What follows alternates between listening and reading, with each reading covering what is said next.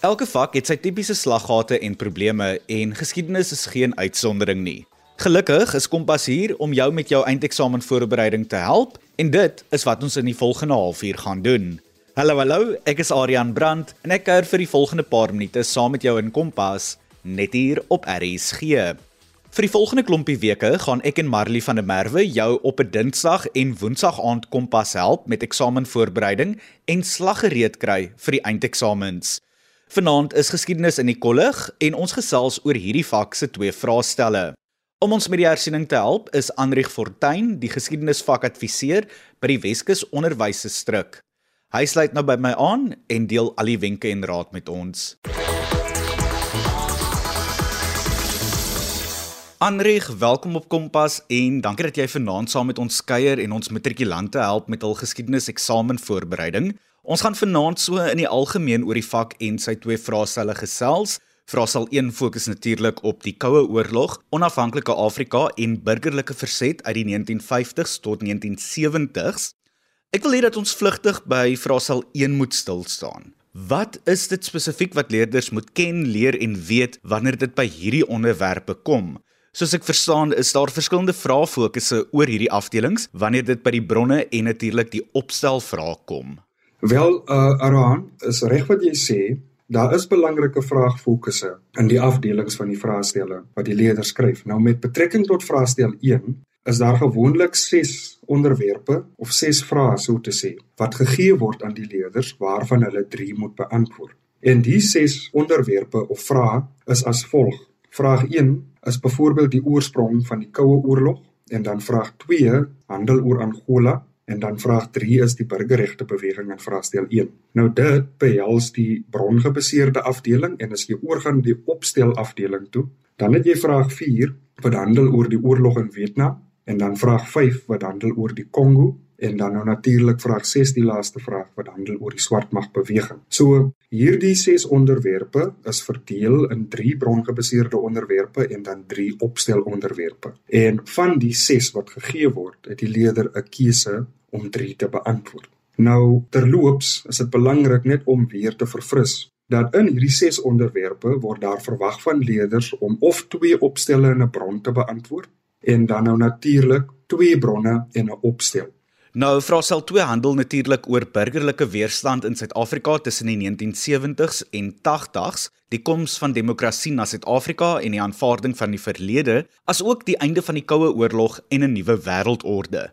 Kan ons 'n bietjie gesels oor wat dit is wat leerders hier moet ken en wat is die vraagfokusse wanneer dit by bronne en opstelvrae kom? Ja, met vraestel 2 word dieselfde benadering basies toegepas En in hierdie verband is daar ook 6 onderwerpe en uit die 6 onderwerpe word daar ook weer verwag van kandidate om 3 vrae te beantwoord. So vir vraag 1 het ons die hervorminge van PW Botha en dan vir vraag 2 het ons die waarheid en versoeningskommissie en dan vraag 3 het ons globalisering en dit maak uit die drie brongebaseerde vrae vir vraestel 2 en dan as jy oorgaan na jou opstel afdeling toe dan het jy vraag 4 wat handel oor die swart bewussyn En dan het jy vraag 5 wat handel oor die pad na demokrasie. Met ander woorde, die onderhandelinge vanaf 1990 tot 1994. En dan laastens het jy vraag 6 wat handel oor die einde van die Koue Oorlog en 'n nuwe wêreldorde, maar daar word gekyk na die impak wat dit gehad het op Suid-Afrikaanse politiek in terme van hoe die situasie verder uitgespeel het tussen die Nasionale Party en die ANC, waar dit vraag 6 behels. So uit daai ses vrae uit word leerders ook gevra om 3 te beantwoord en dit kan in die formaat wees soos ek met pastel 1 verduidelik het waar leerders kan of twee bronne in 'n opstel beantwoord en dan of twee opstelle in 'n bron beantwoord. So vir beide vraestelle is daai ses onderwerpe per vraestel wat aangebied word en dan moet leerders natuurlik 3 kies van die ses onderwerpe wat hulle aangebied word. Anrich, soos ek genoem het en soos die leerders ook weet, is daar verskillende vrae, naamlik brongebaseerde vrae en natuurlik die opstelvrae. Hoe behoort leerders te werk te gaan met sulke tipe vrae? Wat is die moets en die moenies? Uh Arohan, om dit so te stel, is daar natuurlik baie belangrike aspekte wat moet in ag geneem word. Wanneer 'n mens natuurlik, jy weet, jouself toespits om die eksamensessie af te lê met die betrokke vraestelle. So as 'n mens nou kyk na hoe leerders moet te werk gaan in terme van brongebaseerde vraestelle en opstelvraestelle. Dan is die belangrikste moet en moenies die volgende wat ek wil uiteensit. So, uh die eerste ding wat natuurlik algemeen is, is jou tydsraamwerk waarin jy die vraestel moet aflê. So, vir elke vraestel word daar 'n 3 uur tydraamwerk toegestaan en ek as kandidaat moet natuurlik weet dat ek net 3 ure het om die vraestel te voltooi. Met die 3 vrae wat ek gaan beantwoord uit die 6 wat ek gaan kry, soos ek nou vroeër genoem het, is dit dan belangrik dat ek moet verstaan ek het 3 ure in my vraestel en ek moet ongeveer 'n uur spandeer per vraag. En dit is baie belangrik want uh dit kan 'n rol speel met hoe jy jou vraestel gaan beantwoord. So as ons nou ingaan verder en ons gaan kyk na jou bronne en jou opstelling, dan is die volgende moet en moenies belangrik. Waar dit die bronne behels, uh, is dit belangrik dat jy jy moet jou definisies ken.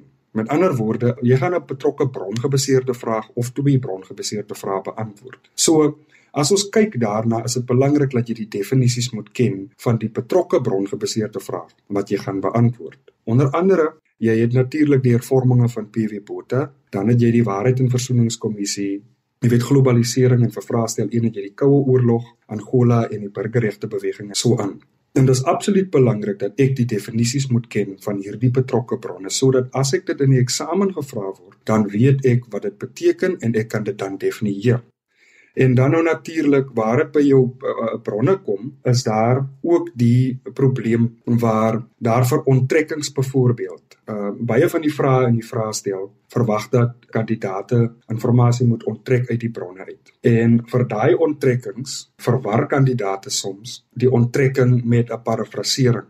Okay, so met 'n parafrasering bedoel ek, dis nou om dinge in jou eie woorde om te sit en te skryf. As ek nou 'n onttrekking moet maak uit die bronne is dit belangrik dat ek uit die bron uitwerk en nie noodwendig parafraseer nie. Maar dan ook aan die ander kant, as ek moet parafraseer, dan kan ek nie onttrekkings uit die bron uithaal of die bloot oorskryf van inligting uit die bron uit as 'n antwoord gee nie. Daai verskil moet geken word in terme van hoe jy jouself uh voorberei of hoe jy jouself gaan toespits om die brongebaseerde vraag suksesvol te beantwoord. En dan is baie antwoorde is gewoonlik in die bronne en daarom word vrae in 'n onttrekkende manier word dit gevra. So daar is 'n verskil tussen onttrekkings en parafrasering wat moet duidelik verstaan word. En dan is daar ook natuurlik die ander belangrike aspek waarna moet gekyk word. Baie van die vrae word gevra in konteks en dan soms in jou eie woorde.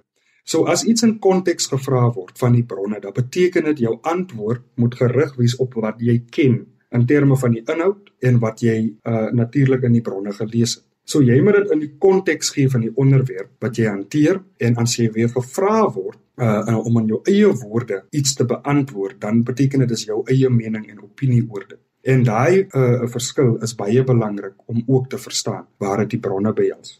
So vir 'n kort opsomming is dit belangrik om jou definisies te ken en jy moet die verskil tussen onttrekkings en parafrasering ken en dan nou natuurlik om iets te verduidelik in konteks of in jou eie woorde om te sit. Dan nou natuurlik uh, waar dit by jou opstelling kom, is daar drie tipes vraagstellings en is belangrik vir kandidaate om daai drie tipes vraagstellings te verstaan en te kan onderskei tussen dit. Met ander woorde, daar is 'n vraag wat sal vra stem jy saam?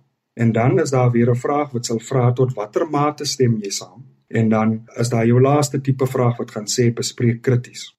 Nou, dis belangrik hier om te verstaan dat as jy enige van die drie tipes vrae in die vraestel gaan beantwoord, moet jy reageer teenoor wat jy gevra word. So as jy saamstem of nie saamstem nie, dan moet jy daai punt baie duidelik oorbring wanneer jy 'n vraag gaan kry. Wat vra stem jy saam? As jy gevra word tot watter mate, beteken dit jy moet kan verduidelik in soveel woorde tot watter mate jy saamstem of nie saamstem met die tipe vraag wat jy kry. En dan bespreek krities is natuurlik 'n kritiese analise in terme van hoe jy die geskiedenis verstaan rondom wat hy vraag wil beklemtoon. So daarom is dit baie belangrik om te verstaan wat die vraag verwag in terme van die opstel sodat jou lyn van argument ook kan plek vat sodra jy daai opstel gaan begin skryf. Dan is dit ook belangrik om die inhoud met betrekking tot die feite van die geskiedenis uh dat dit geken word. Jy jy jy moet jou inhoud en jy moet die feite omtrent die geskiedenis moet jy ken en met die feite verwys ek nou natuurlik na die bulletpunte wat vervat word in die memorandums. By die stadium is ek vertroud dat kandidate alreeds memorandums gesien het van opstelle En in daai verband is dit belangrik dat daai feite soos vervat word in daai memorandum moet natuurlik volgens dit daar uiteengesit is. Moet dit uitgebrei word met die wyse dat kandidate die inhoud ken en daai feite kan uitbrei. Die ander aspek ook is die feite moet deeglik bespreek word sodat die kandidaat dan die krediet kan kry vir die feit wat hy of sy gaan bespreek. As jy nou natuurlik wil gaan kyk na hoe om daai feite deeglik uit te brei, dan is dit belangrik net om weer ag te slaan op die peelmetode wat onderwysers natuurlik hanteer het hierdie jaar.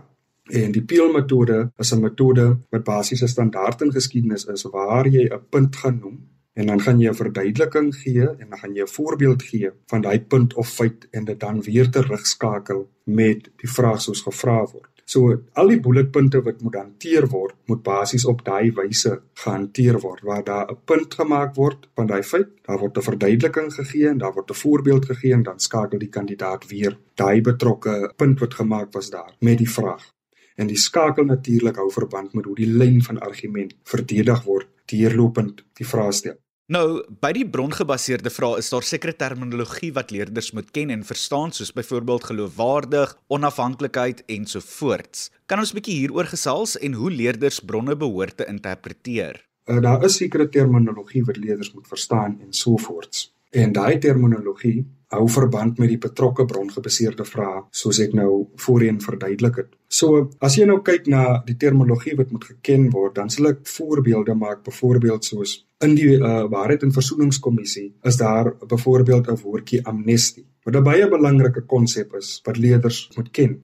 En dan as jy na die burgerregte beweging toe gaan en vraestel 1 byvoorbeeld, dan het jy nou segregasie wat ook moet geken word en so kan ek aangaan en sê later aan as jy na die koue oorlog toe gaan dat jy 'n woord byvoorbeeld soos eystergordyn en so voort. Nou hierdie uh terme en terminologie moet geken word in terme van hoe die leerder voorberei vir die vraestel. So as dit vir vraestel 1 is, moet die leerder al die terme en die konsepte ken. As dit vir vraestel 2 is, dieselfde. En dan as jy nou oor die algemeen kyk na hoe bronne behoort te geïnterpreteer word, is dit belangrik dat as jy in die eksamen sit, het jy gewoonlik jou vraestel en jou addendum.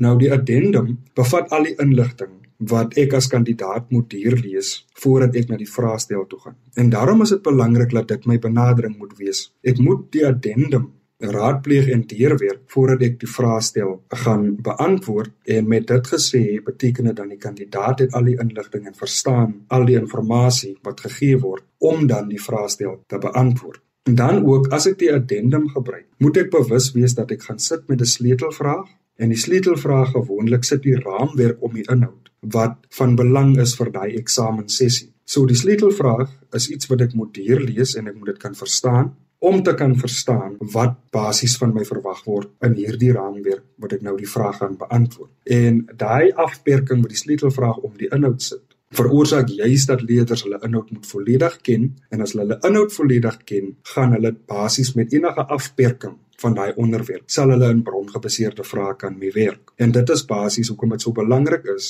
om die inhoud te ken sodat ek uiteindelik met enige afbakening van die inhoud kan werk. En dit word gewoonlik by wyse van die sleutelvraag word dit gegee.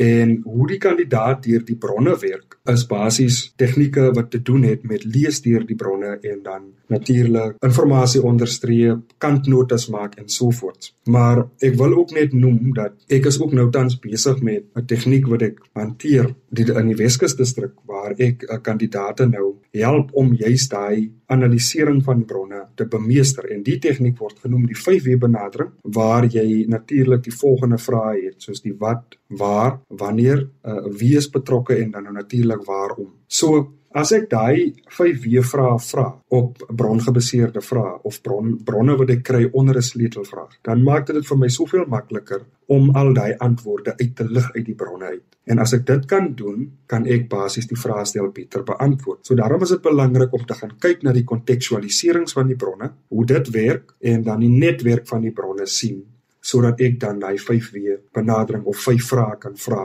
op daai kontekstualisering met die idee dat die inhoud wat in die bronne is dan nou die sleutelvraag suksesvol gaan beantwoord. Anrich, daar is altyd 'n slaggat of twee in 'n eksamenvraestel. Wat is sommige van die tipiese slaggate wat jy sien leerders teekom in geskiedenisvraestelle? Waar verloor die leerders so onnodige punte? Ja, kyk basies die slaggate wat leerders of kandidate gewoonlik intrap in die geval is wanneer hulle nie die volgende toepas nie of met ander woorde wanneer hulle die volgende foute maak in verband met dit. So ek gaan al 'n basiese kombinasie gee van uh foute wat nie moet gemaak word nie en dan ook uh uh betrokke foute wat gemaak word as 'n rotine in die uh, eksamensentrum uh, wat ons natuurlik as merkers sien en hoe leerders of kandidate dit kan vermy. So die eerste ding natuurlik is jy moet seker maak jy verstaan die eksamenriglyne en die onderwerpe en die inhoudsraamwerke rondom die inhoud in in in die manier hoe die afbakening van die konten plaasvind. Dit moet jy deeglik kan verstaan. So jy moet uh verstaan watter brongebaseerde vrae jy gaan kry, watter opstel vrae jy gaan kry en hoe dit gaan afgebaken word. So die onderwerpe in die sin is baie belangrik want ons het al gesien waar kandidate byvoorbeeld verkeerde onderwerpe beantwoord het. En die verkeerde onderwerpe is byvoorbeeld wat ons in geskiedenis het is basies 'n siklus van vrae wat sirkuleer of van niets af moet beantwoord word elke 3 jaar periode. So baie van die kandidate gaan skryf nog ou vrae by nuwe vrae wat in die vraestel is. En daarom is dit belangrik dat kandidate die eksamenriglyne moet gaan bestudeer en verstaan wat daarvan hulle verwag word, veral die private kandidate in hierdie verband. So die onderwerpe is belangrik Nou, die slaggate rondom opstelle kan vermy word by wyse van die volgende. Jou opstelle, jy moet jou inhoud ken wat jy moet skryf omtrent daai betrokke opstel. En in die verband is daar sekere seleksies wat kandidaate al reeds uitgeoefen het om te kom skryf, maar jy moet jou inhoud ken en dan natuurlik is dit belangrik dat jy 'n inleiding en 'n slot moet skryf binne in jou opstel. En dit is absoluut belangrik want as jy nie 'n inleiding of 'n slot het nie, dan het jy nie 'n opstel aangebied nie by wyse van die struktuur van die opstel. En dan nou natuurlik ook is dit belangrik om te gaan kyk na die opstel rubriek om te sien wat verwag word van jou as kandidaat ten opsigte van hoe jy die opstel moet skryf. Waar dit behels met die inhoud in die opstel, is dit belangrik dat ek verstaan ek moet punte of feite gee en dan moet ek die feite kan uitbrei en ek moet seker maak my uitbreiding is voldoende sodat ek kan krediet kry vir daai betrokke feit of punt wat ek gemaak het. En gewoonlik wat kandidaate doen is hulle lys net die punte of die feite per opstel en dit gewoonlik kry baie swak punte in die eksamen omrede die kandidaat nie regtig met die opstelvraag regtig beantwoord het nie. Maar dit is belangrik dat elke uitbreiding gedoen word ter beantwoording van die vraag wat gevra was. En as dit geskied, dan is daar 'n lyn van argument wat regdeur die inhoud uh, uh basies kan gesien word en daarom is dit belangrik dat die inhoud wat ek ken, wat ek gaan leer oor 'n breë spektrum, strategies moet gebruik word om 'n opstelvraag te beantwoord, ook so dat dit 'n lyn van argument duidelik maak. En dan het ons natuurlik die bronne. Die bronne weer waar daar gewoonlik probleme is is by die konsepte wat gevra word uh byvoorbeeld die konsepte word gevra as 'n definisie.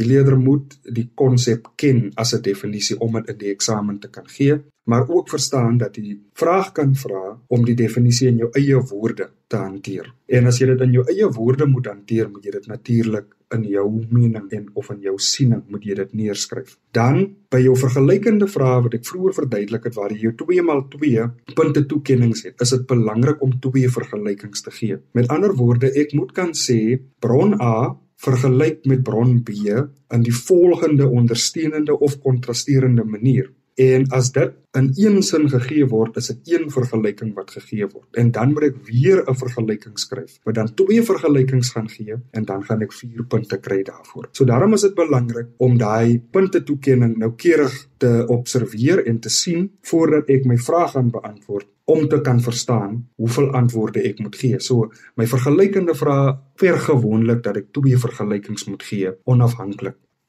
En dan nou natuurlik uh die beantwoording van 'n paragraafvraag is van kardinale belang. Baie van die kandidate los dit oop.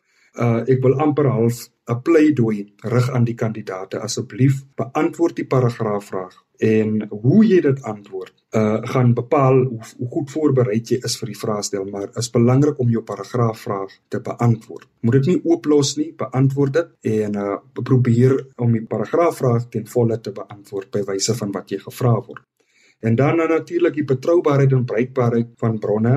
Die verskil moet die kandidaat kan verstaan en seker wees dat die kandidaat verstaan wat word gevra in terme van dit. Van baie van die kandidate verwar bruikbaarheid met betroubaarheid en uh die basies wat dit veronderstel is maar net hoe jy 'n bron kan gebruik, watter tipe inligting dit verskaf aan jou, maar ook as jy nou natuurlik kyk na 'n bron, hoe betroubaar vind jy die inligting? Hoe hoe ver kan jy staat maak op die inligting wat binne in die bron uh, gegee word as jy daai betrokke vraag kry? En dan die ander uh, aspek wat ek van vroeër van gepraat het is die onttrekking en die parafrasering van wat vrae soms verwag van leerders. En leerders moet nie parafraseer as hulle onttrekking moet uh, onttrekking moet gee nie, nog minder parafraseer as hulle onttrekking moet gee. En dan nou natuurlik uh, die onderwerpe uh wat jy gaan kies. Jou onderwerpe gaan wees dit wat jy deur die jaar gedoen het in jou skoolopset. So, dit is belangrik dat jy die onderwerpe moet hanteer wat bekend is aan jou en wat jy gedoen het deur die jaar. Die onbekende onderwerpe verlang dat kandidate of kandidate gewoonlik gaan antwoord onbekende onderwerpe dan het hulle geen konteks van daai onderwerp of hulle verstaan nie die werk rondom daai betrokke onderwerp nie. Nou, in terme van leerders se voorbereiding van geskiedenisvraestelle, watter wenke het jy met betrekking tot dit?